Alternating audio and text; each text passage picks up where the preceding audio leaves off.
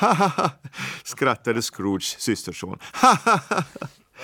Om ni av någon otrolig slump skulle råka känna någon människa vars skratt låter trevligare än Scrooges systersons så kan jag bara säga att jag också skulle vilja lära känna honom. Eh, presentera mig så ska jag odla hans bekantskap.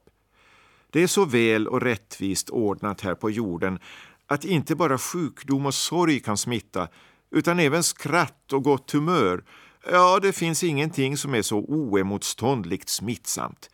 När således Scrooge systerson skrattade på detta sätt med händerna i sidorna och vaggade med huvudet under de mest fruktansvärda grimaser så skrattade hans hustru lika hjärtligt som han och deras församlade vänner var inte sämre utan skrattade av hjärtans lust.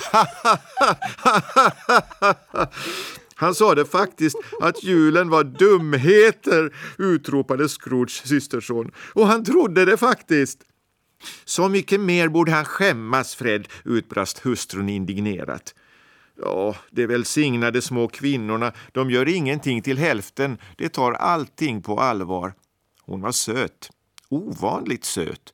Hon hade ett trevligt ansikte med skrattgropar och ett ständigt uttryck av förvåning, fylliga läppar som tycktes skapade för kyssar, vilket det utan tvivel fick, och fullt med små gropar som flöt ihop när hon skrattade och de mest strålande glada ögon man kunde tänka sig hos en sådan liten varelse. I stort sett var hon vad man kunde kalla aptitretande, men comme il faut, fullt comme il faut. Det är helt enkelt en konstig gammal figur, sa Scrooges systerson. Och han är inte alls så trevlig som han borde vara. Men det är ett straff nog för honom själv att han är sådan, så jag har ingenting att säga. Han är väl mycket rik, sa hustrun. Det brukar du åtminstone säga. Ja, men vad betyder det, kära du, sade Scrooges systerson. Han har ju ingen glädje av sina pengar. Han gör ju inget gott med dem.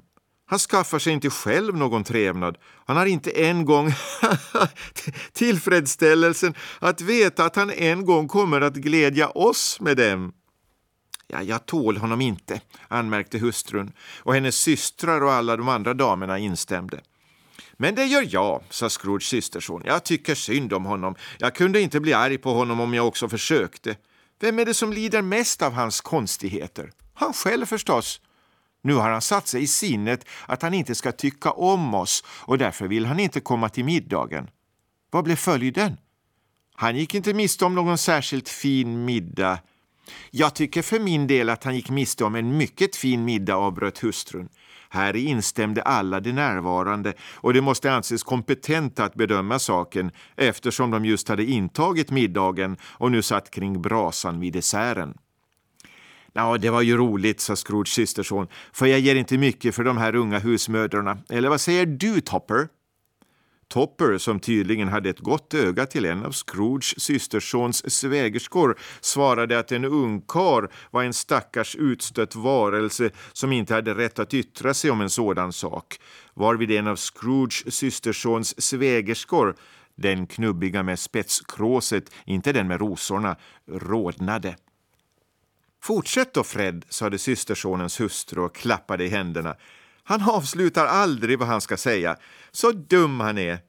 Scrooges systerson brast åter i skratt och som det var omöjligt att hålla sig obesmittad följde alla enhälligt hans exempel eh, fastän den knubbiga svägerskan energiskt försökte hålla sig allvarsam genom att lukta på en luktflaska. Jag tänkte bara säga, sa Scrooge systerson, att följden av att han inte tycker om oss eller deltar i vår glädje är att han går miste om några angenäma stunder som inte skulle skada honom. Jag är säker på att han inte kan ha trevligare sällskap i sina egna tankar, varken på sitt gamla mögliga kontor eller i sin dammiga våning. Jag bryr mig inte om vad han säger, utan tänker ge honom samma chans varenda år, för jag tycker verkligen synd om honom. Han må smäda julen hur mycket han vill, men om jag år efter år kommer i gott humör och frågar morbror Scrooge hur det står till måste han till sist komma på bättre tankar. Och om det inte skulle resultera i annat än att han testamenterade 50 pund till sin stackars bokhållare så vore det ändå något. Och jag tror nästan att jag gjorde ett visst intryck på honom igår. Det var nu deras tur att skratta vid blotta tanken på att han kunde göra intryck på Scrooge. Men som systersonen var den godmodigaste människa i världen och inte bekymrade sig om vad de skrattade åt, bara de skrattade, uppmuntrade han dem och lät glatt vinkaraffen gå runt. Efter teet gjordes det musik.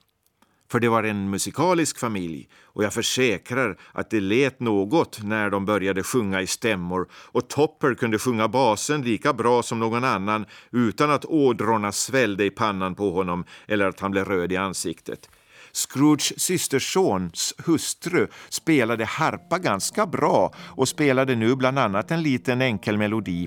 Så enkel att man kunde lära sig att vissla den på två minuter.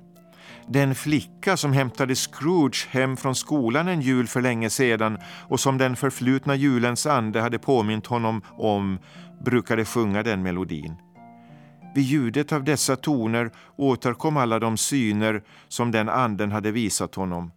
Han veknade mer och mer och tänkte för sig själv att om han förr i världen hade lyssnat till den lite oftare skulle kanske hans blick ha öppnats för livets verkliga lycka så att han inte hade behövt tillgripa den dödgrävarspade som blev Jacob Marleys undergång.